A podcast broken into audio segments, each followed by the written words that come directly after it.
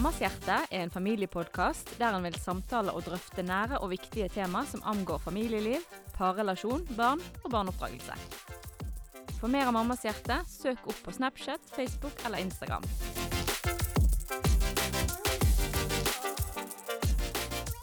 Ja, ja, ja, ja, ja. Ja, ja, ja, ja, ja. da er vi i gang. Det er så gøy å si hjertelig velkommen til nok en Mammas hjerte podkast-episode. Vi skulle hatt sånn her eh, Bodil, kan du legge på sånn her applausknapp?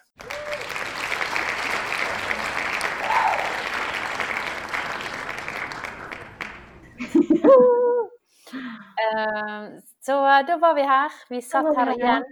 Du, hva skjer? Uh, jo, uh, vi har skrudd klokken. Eller for, nei, klokken er blitt skrudd i samfunnet, men den er ikke blitt skrudd her hjemme hos oss. Lever du Eh, på gammel tid?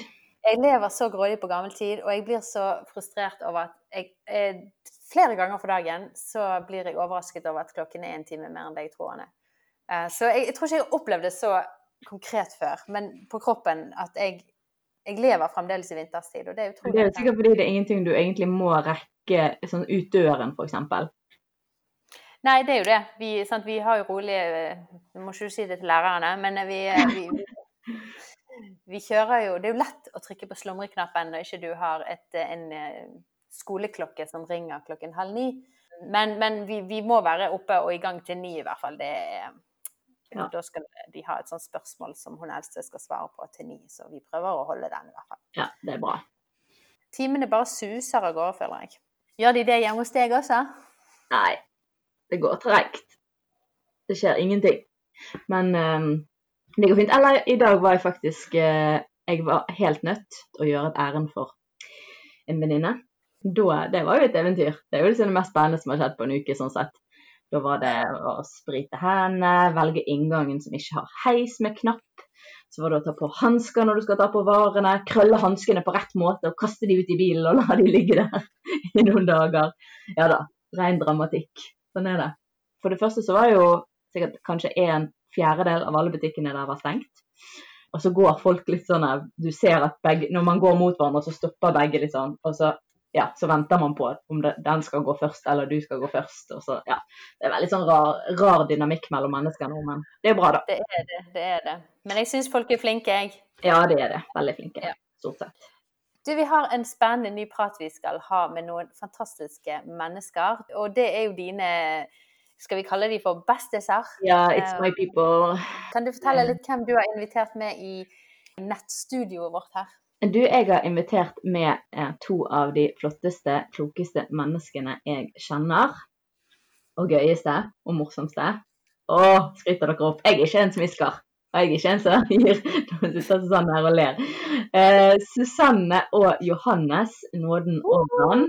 Jeg kjenner at jeg eh, klarer sånn ikke stoppe å smile når jeg snakker om Jeg synes det er kjekt at dere er her. Vil dere fortelle litt om dere selv? Ja, altså jeg føler liksom nærmeste pårørende, det er vel det vi liksom tenker om dere, da. Nærmeste pårørende i Bergen, det er dere. Ja, det er vi. Jeg er Susanne Nåden Odland, lærer på Danielsen videregående, og eh, har eh, lille Hanna på snart ett og et halvt, og store Johannes på snart jeg vet ikke, ja, mannen min da, Johannes. Du kan jo si det på nytt. Var det noen fikk med seg at uh, Susanne ikke vet hvor gammel jeg er.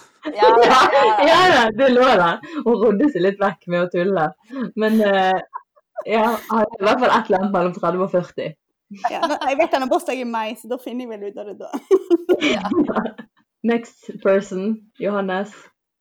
Ja, Store, store Johannes. det, er det store spørsmålet er hvor gammel er han egentlig? Han er den eh, voksne sønnen til eh, Susanne på 36 og et halvt. Teit. Ja. Jeg er òg lærer på Danielsen ungdomsskole. Og så er jeg musiker i tillegg i et band som heter Askeladden. Veldig kjekt. Når dere er på radioen, når jeg har vært på bussen, da. Ikke nå disse tider her, men tidligere. Vært på bussen. Og så var det sånn at jeg ble så giret når sangen din kom på radioen, at jeg, jeg måtte liksom fysisk holde meg sjøl fast i setene for å ikke gå frem til sjåføren og si at jeg kjenner han som synger. Så Og jeg er jo egentlig ikke sånn som liker å gjøre sånt, men jeg ble helt sånn, Så- ja. Så det er vi stolt over. Bassisten i bandet vårt, han eh, gikk inn på bussen, og så kom Askeladden med Se fram akkurat idet han går inn på bussen, og så sier han Det er jeg som spiller på denne her sangen. Han, han ble så liksom starstruck av eh, situasjonen, da. Starstruck, det går ikke an å si. Men iallfall så spør Ja. eh, spør Å ja, kult. Hva språk synger han på? Og eh, jeg synger på norsk, så han sa han synger på fitjarsk, sa han. Eh, Som er du, den staden jeg er på. Og eh, da spurte jeg faktisk bussjåføren hva, hva, hva land er det? Tusen takk for at dere tar tid fra deres travle eh, lærer-småbarnsliv. Eh, Jeg har dere er- travle et liv? Føler Hvordan er det i disse, i disse dagene? Altså, jeg, jeg kan bli litt sånn provosert når folk bare 'Å, tid til å pusle alle puslespill og sånn'. Jeg bare jeg, jeg har på en måte mer tid hjemme med Hanna og sånn, men jeg har ikke mer tid eh, til meg sjøl. Ja, det er stort sett Hanna har, så når Hanna sover, da må du jobbe. Men eh, vi, vi jobber litt på skift, og vi er jo en heldige som har begge hjemme. Jeg har en kollega, stakkar, hun fortalte hun hadde liksom, Hun har tre unger alene, alle er barnehagealder. Han yngste fikk ørebetennelse, og hun har da fagdager. Fire fagdager denne uka, dvs. Si halv ni til halv fire hele dagen. Så kjente jeg jeg har det ikke så gale. Men eh, Det går greit. det går greit.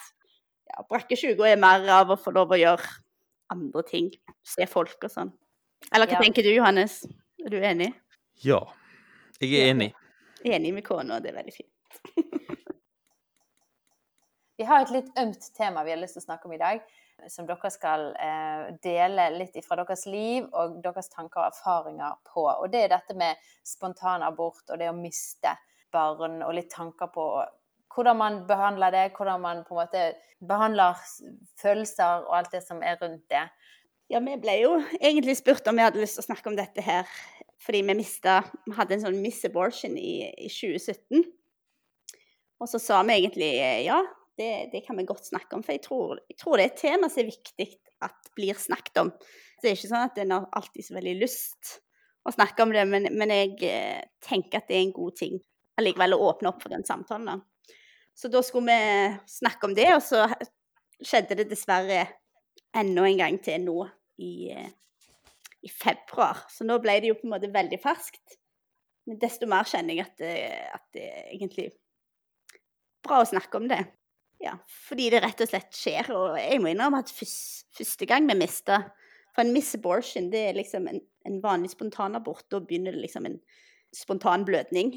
Og du liksom sånn sett er ikke forberedt, men en miss abortion, da, som vi har hatt to av, det er at du kommer på en ultralyd, og så viser det seg at det, det ikke er liv. Så det er på en måte et, et liv som ikke fortsetter å leve, men som ikke på en måte kommer ut av seg sjøl. Og det Jeg visste ikke det gikk an, nesten. Sånn, så første gangen så var det litt sånn Jeg hadde en kjempedårlig følelse og var litt sånn Jeg grua meg skikkelig, men, men jeg var sånn Nå er jeg jo over uke tolv, og, og jeg har jo ikke blødd, så det må jo være fint. Altså, jeg visste, jeg visste egentlig ikke om det engang. Så jeg tenker jo at det, ja, at det er en bra ting å snakke om, da.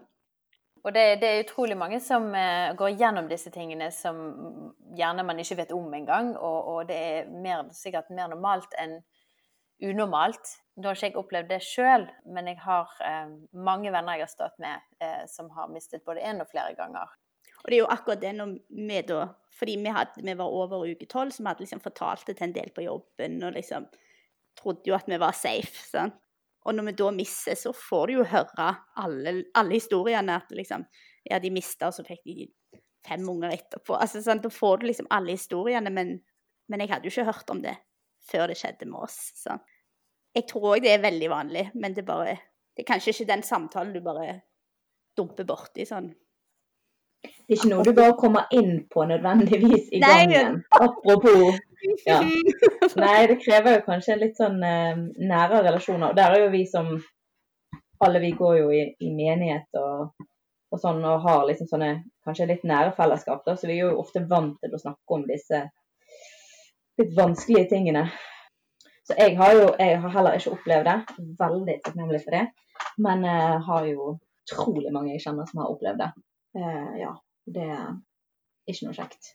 det er det ikke. Hvordan er det for mannen, da? Johannes? Ja, hvordan oppleves det for uh, deg, Johannes, som står på en måte i det, men ikke står i det? liksom? De er med på det 100% men så er ikke de med på, de får ikke oppleve det på kroppen på samme måte. Nei, det er vel litt en sorg som en føler en ikke vet om en får lov til å ha. Jeg tror at da jeg kjente mest på første gangen, så eh, etter at vi så at det ikke var liv der, så begynte han å febrilsk sjekke etter Altså, han fortsatte å lete som om han lette etter Og da gikk tanken min til Leter du etter en svulst? Skal du fortelle at kona mi dør fra meg? Altså, det, det gikk det litt til en sånn panic room, for jeg hadde ikke kontroll på situasjonen. Og når jeg var redd at det var gale, noe som var gale med Susanne, så ble jeg veldig Veldig redd. Men så, så, så er det jo sånn som du sier, at eh, en står i en slags eh, merkelig sorg, fordi at en har ikke Jeg føler det ikke på kroppen. Det er ingenting i min kropp som eh, tilsier at eh, det er nokså annerledes verken før eller etter du har vært inne hos doktoren. Det er ingen Det eneste du får vite, da, er at noen du ikke har truffet, har slutta å vokse inni magen til hun som du elsker mest. Og da er ikke så Det er ikke så lett å vite hva en skal gjøre med den eh, emosjonelle tyngden det kommer med. Fordi at eh, hvor skal en plassere det? Skal en plassere det på sorg? Og så kan en ikke sørge for mye for seg sjøl, fordi at den andre har jo Den andre har jo eh, Det er mye verre, mest sannsynlig, siden hun faktisk eh, opplever dette på kroppen, og, og at noe som hun opplevde var en del av seg sjøl, er plutselig ikke i live lenger. Så det, det var ikke så lett Jeg syns verken første eller andre gangen Det var ikke så lett å behandle de følelsene som kom, fordi at eh, jeg forsto ikke helt hva jeg følte på, rett og slett.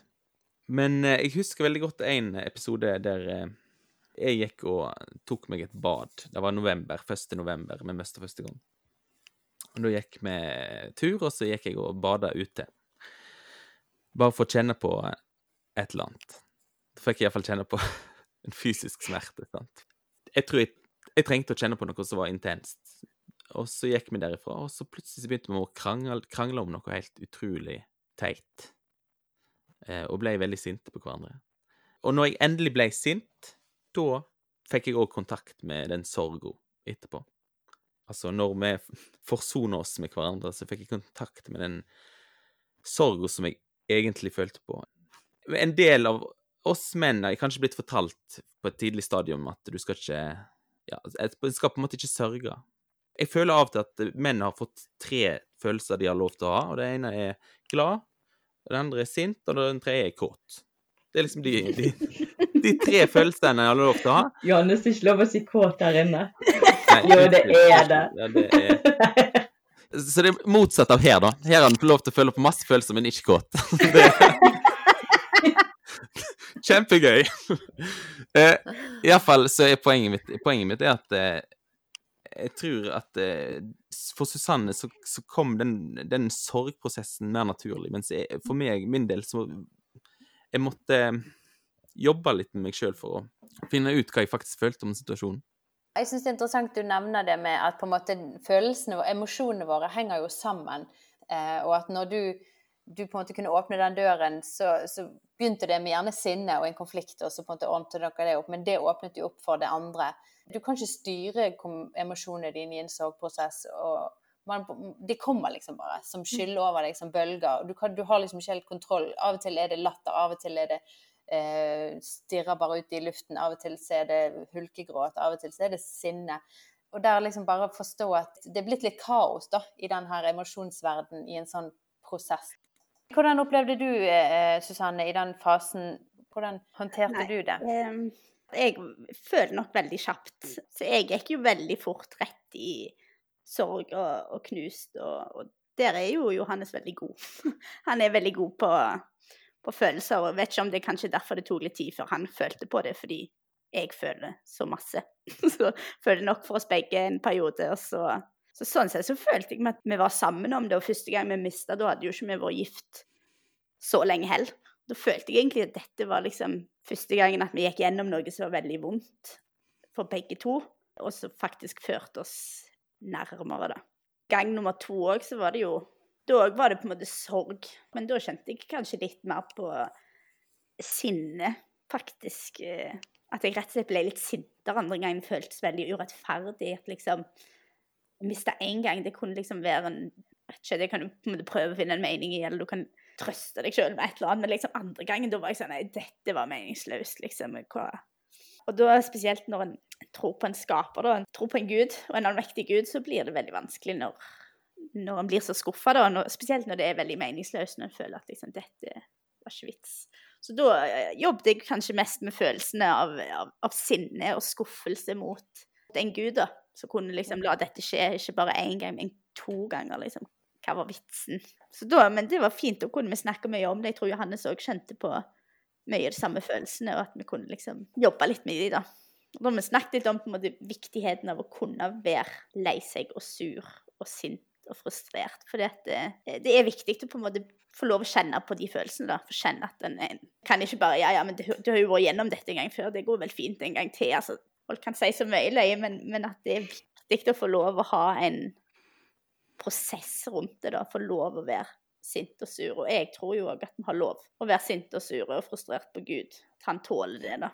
Hvis jeg setter salmene, der står det veldig mye 'hvorfor' og 'hvor lenge', Herre. Og, og det, det, kjente jeg veldig på. Jeg tror at uh, sinne eller hat er nærmere kjærlighet enn likegyldighet. Sant? Hvis en prøver, prøver å ikke ha følelser rundt det, så vil en bare bli, ta avstand og bli kanskje bitter, da.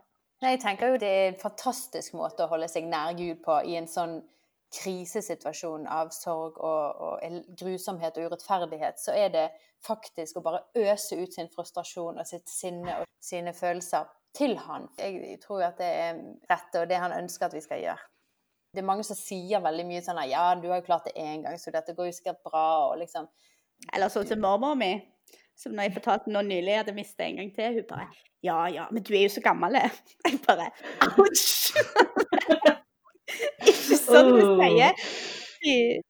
Ja, men Ja. når de er over 80, da Ja, har de hva ikke gjør fylt du da? Jeg tenker de, Nei, eh, de over en viss alder, de må man jo bare liksom putte i en sånn utilregnelig-kvoten. Men ja, folk kan si veldig mye rart. Men eh, som oftest er det jo ikke vond vilje, det er jo i uvitenhet. Mm. Og kanskje denne samtalen kan være med å hjelpe folk å vite hva de skal si. For hva skal de egentlig si? Hva hjelper å si, hva hjelper ikke å si? Første gang vi møttes, så eh, sendte jeg melding til mannen til Ingrid Nette. Og han ble fortvila. Og meg og Anders vi har en sånn greie eh, som har utvikla over mange år, etter mange års kjennskap, at eh, hvis det er sånn, eh, nå når vi er i forhold begge to, at ektefellen vår sier at eh, det passer ikke så godt at dere henger i kveld, men egentlig så har du en krise på gang, da har vi lov til å trumfe gjennom Code Red. Og Code Red, da slipper du alt du har i hendene.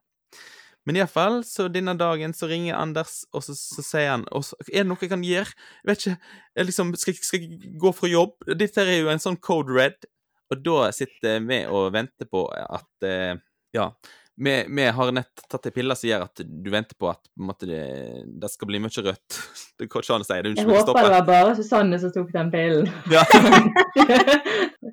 vi spruta jo ut i latter. Både meg og Susanne syntes det var kjempeløye. Altså, det var bare, det traff for oss to.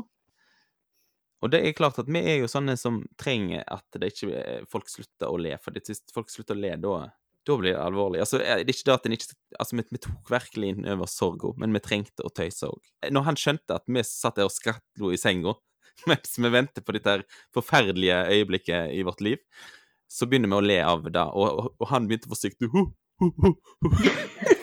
Det er litt sånn han ler, faktisk. Og, og, og, og, og, og så støttele. Ja. Og da, men det betydde faktisk veldig mye. At, at, at han da tillot seg å le av sin egen vits. eh, At, at vi, da følte vi at eh, det ikke ble sånn at eh, nå, nå er de i en fase der ingen kan le-situasjon. Men, men vi er fortsatt de samme gamle, vi bare går igjennom en eh, sorg. Mm. Ja, og sånn sett så tror jeg det er viktig at folk må ikke sitte igjen med at å, det er masse jeg kan si feil. For det, det er på en måte ikke så veldig mye du kan si feil hvis du ikke er mormor 83. Som regel, så, så lenge du ikke sier ja, ja, eller opp på hesten igjen med en gang, altså sånn, så lenge du har en viss medfølelse. Altså for meg så kan du si, du kan si alt fra liksom åh, det var vondt. Åh, nå ble jeg lei meg. Eller bare gir en klem. Altså, ja, så lenge du ikke bare Ja, men det er kjempemange som opplever det, ikke tenk på det. Altså, så lenge du ikke på en måte prøver å kutte vekk følelsen en sjøl har, da, så lenge en på en måte bare møter de og Så tror jeg ikke du, du kan si så mye feil, men det er det å få den der klemmen eller den hva som helst, bare, bare ikke avvis på en måte mine vonde følelser, så tror jeg du treffer godt uansett. Du merker jo hjertet bak. Jeg husker det, vi kom på jobb, og da var det han ene sjefen min som jeg egentlig jobbet Jeg jobbet bare 10 på den jobben, og han bare kom og bare ga meg en sånn sånn ordentlig klem. Jeg, jeg, følte at han følte med meg da. Og det var, jeg tenkte jeg at liksom, jeg trengte ikke noe mer. Det var bare han sa 'Å, så godt å se deg'. Det var det han sa. Jeg tror at uh, en ting som kan skje i sånne situasjoner når det handler om ting vi ikke forstår, sånn som det her, vi forstår ikke hvorfor dette skjer, så kan det være at man på en måte sjøl føler på en sånn usikkerhet fordi man ikke greier å forklare det. Så tror jeg at mange kan føle på en sånn her behovet for å finne med noe, noe som er liksom korrekt å si, da i møte med at liksom ja, men det er jo en mening med alt, eller sånn, og så er det kanskje ikke alltid det. Eh, men så blir man kanskje treffer en usikkerhet i seg sjøl på at dette forstår jeg ikke, og jeg har jo egentlig behov for å forstå verden, eh, og så ødelegger man kanskje for andre da, i eh, å ta sin egen usikkerhet inn i deres sorg, som er ganske dumt å gjøre. Det er ikke alt som vi har svar på, og ikke late, late som at vi har svaret på når vi møter deg, at vi bare har svaret på en eller annen ting som skal gjøre at du kan føle deg bedre, men faktisk bare ta på alvor det at det her var bare helt ufattelig mm. vondt. Ta på alvor den følelsen av at vi faktisk som mennesker eh, har ikke svaret på alt som skjer rundt oss. Og vi kan ikke forklare alt. Og det er vondt i seg sjøl, bare akkurat det. Det tror jeg er kjempeviktig, fordi vi er veldig sånn meningssøkende vesener. Vi vil alltid finne ut hvorfor det er sånn. Og jeg må jo innrømme at jeg tenkte jo liksom Ja, kanskje det er litt alderen. Altså, det, du har behov for liksom Hvorfor har det skjedd to ganger? Skal det nå skje annenhver gang? Altså, en går liksom rett inn i Prøver å finne meningen ja, alt, liksom. Ja. Så jeg mm. forstår veldig godt at, liksom, at, det blir en naturlig ting, da, at jeg skal hjelpe deg å finne meningen med dette.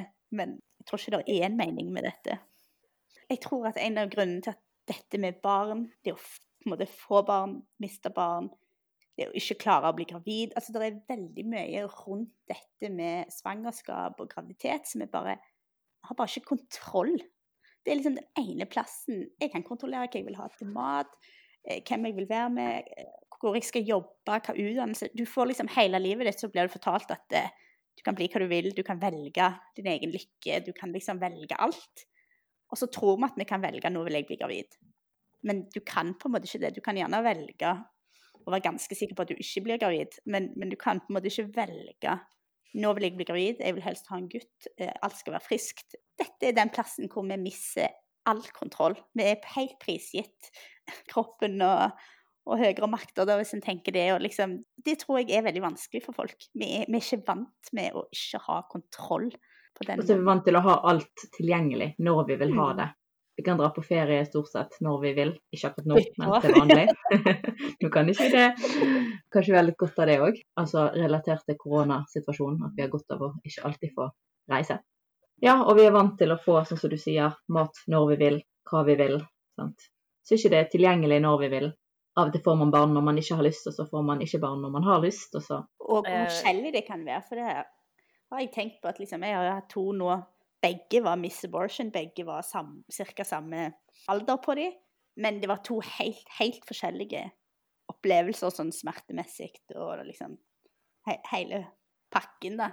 Og det er liksom Sånn sett, på papiret så er det helt to helt like tap, nesten. Og så tenker jeg å, det er så, det er så veldig mye da, sant, av folk som misser enda seinere. Altså, jeg tror det er viktig at uansett hva på en måte reise en har hatt, så blir det litt som en graviditet. Du kan ikke tenke at å, jeg har hatt jeg har født et barn, jeg vet hvordan det er å føde et barn. Altså, på samme måten så at det er tusen forskjellige fødsler, så er det òg veldig mange forskjellige spontanaborter. da, sant? Så selv om en tenker kanskje en har erfaring med det, så, så vet en aldri på en måte den reisen den, den andre som har opplevd og en mm. spontanabort har. Og det her er jo litt av grunnen for at de fleste velger å vente ganske lenge med å si det. Det kan bli litt ensomt hvis ingen vet at du er gravid, og så mister du. Og da å skulle begynne å fortelle folk at du både har vært gravid og har holdt deg skjult og har mistet, det kan på en måte være litt ekstra tungt, da. For da er det på en måte ingen som vet hvordan du har det. Mm. Jeg har ikke mistet, men uh, vi valgte å si det til en indre kjerne uh, ganske tidlig. Men det som jeg kjente på, jeg er jo sånn si, realist og liker å være liksom fornuftens stemme, det er nok det at eh, jeg hadde behov for at eh, ikke informasjonen skulle komme ut av kontroll. Ikke bare pga. et eget kontrollbehov, men rett og slett fordi at hvis det skulle skje at vi mistet, som vi ikke gjorde, så ville jeg at det skulle være lett å dele den informasjonen. At ikke jeg var nødt til å på en måte enten skrive det på Facebook, sånn at jeg var sikker på at alle fikk med seg at vi har mistet, vi er ikke lenger gravid. Eller så må man risikere å få sånn tre måneder seinere sånn Ja, nå er du vel snart i tredje trimester. Samtaler som du da ikke vil ha hvis du går gjennom en sorgprosess. Men vi sa det til dere annet, og flere andre. Ja, og det tror jeg òg er kanskje, sånn som du sier, fornuftig. Å ha en sirkel som man kan eh, dele det der tette livet med. Og så kan man grine sammen og juble sammen. Ja, jeg var veldig glad for at jeg hadde sagt det til noen av de nærmeste, spesielt nå på nummer to. Så var det mange som visste det, og at jeg skulle på ultralyd. Og da kunne du bare sende et knust hjerte, og så slapp du å fortelle mer. Du slapp å snakke mer om det, og så var det på en måte fortalt, og så fikk du på en måte Fikk du liksom formidla det på en enkel måte. Johannes det var jo litt Han klarte jo liksom å ringe rundt og sånn, men jeg, siden jeg da får følelsene veldig fort, så klarte ikke jeg det. Det er litt sånn, ikke det mannens oppgave, det, da? Jo. Har, både om, om man presser ut, holdt jeg på å si, så er det mannens oppgave å informere om hva Stående. Ja. det er jo litt sånn rart å være mann på sidelinjen i alle sånne situasjoner. Jeg syns faktisk jeg har fortalt om deg, Johannes, til mange når du fortalte om eh, tankene rundt fødsel. Jeg vet ikke om du husker det.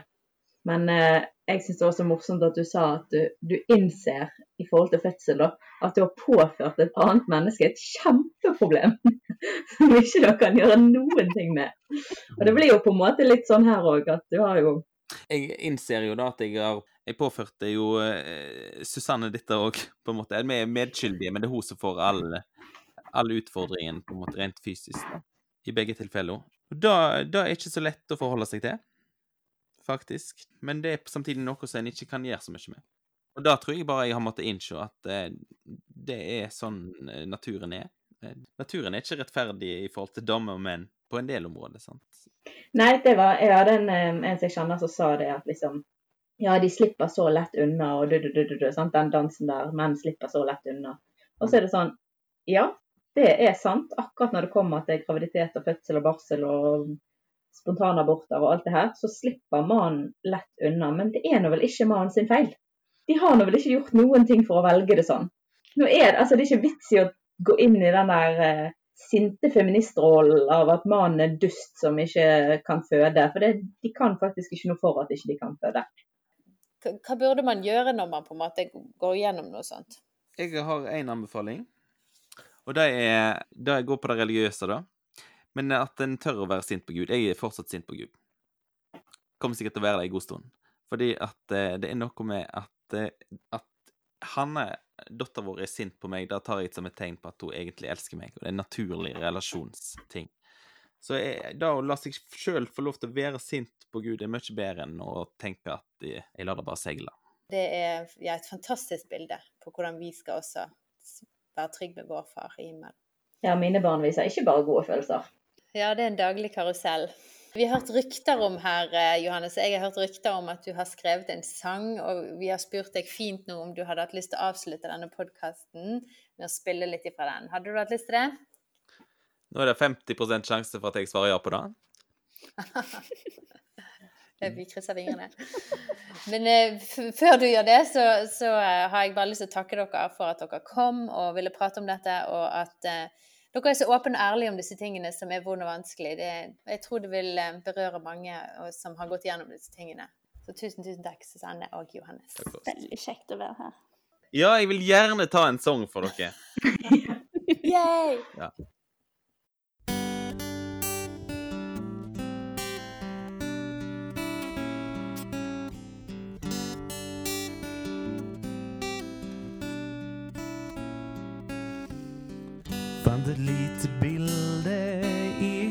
Som sto gjemt. Små fragment fra sinnet jeg for lengst hadde glemt. Et lite minne fra ei ukjent tid. Du blei så virkelig. Såg deg sitte der på din farfar sitt fond. Mens han løste kryssord, nynna du på en sång. Da var du vakker, snill og god. Du ligner aller mest på ho som elsker deg med en gang.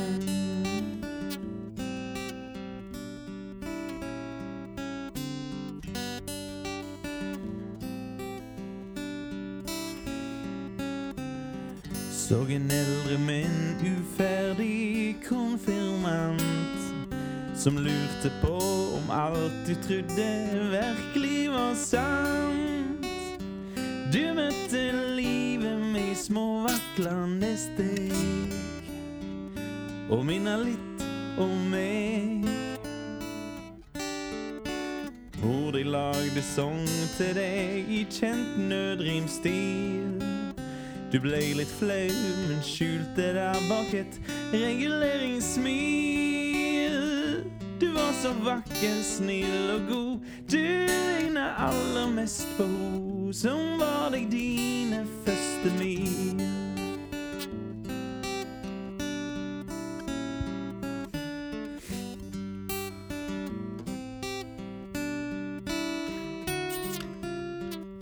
Ei lita stund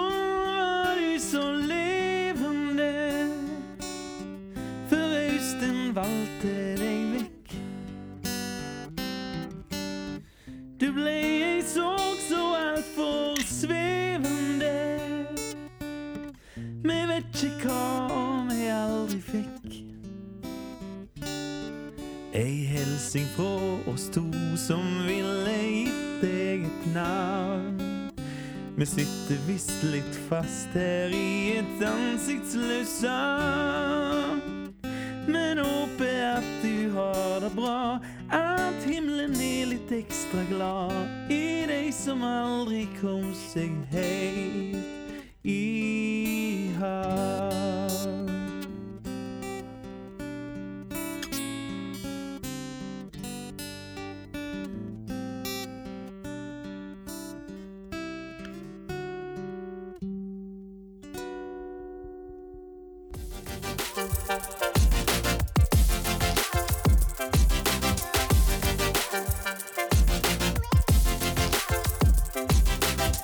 du har spørsmål, tilbakemeldinger eller ting du tenker på rundt det vi snakket om i dag, så har vi veldig lyst til å snakke med deg. Du kan kontakte oss på Snapchat, Instagram og Facebook. Der svarer vi alle meldinger. Så skriv oss en melding. Vi har veldig lyst til å chatte litt med deg.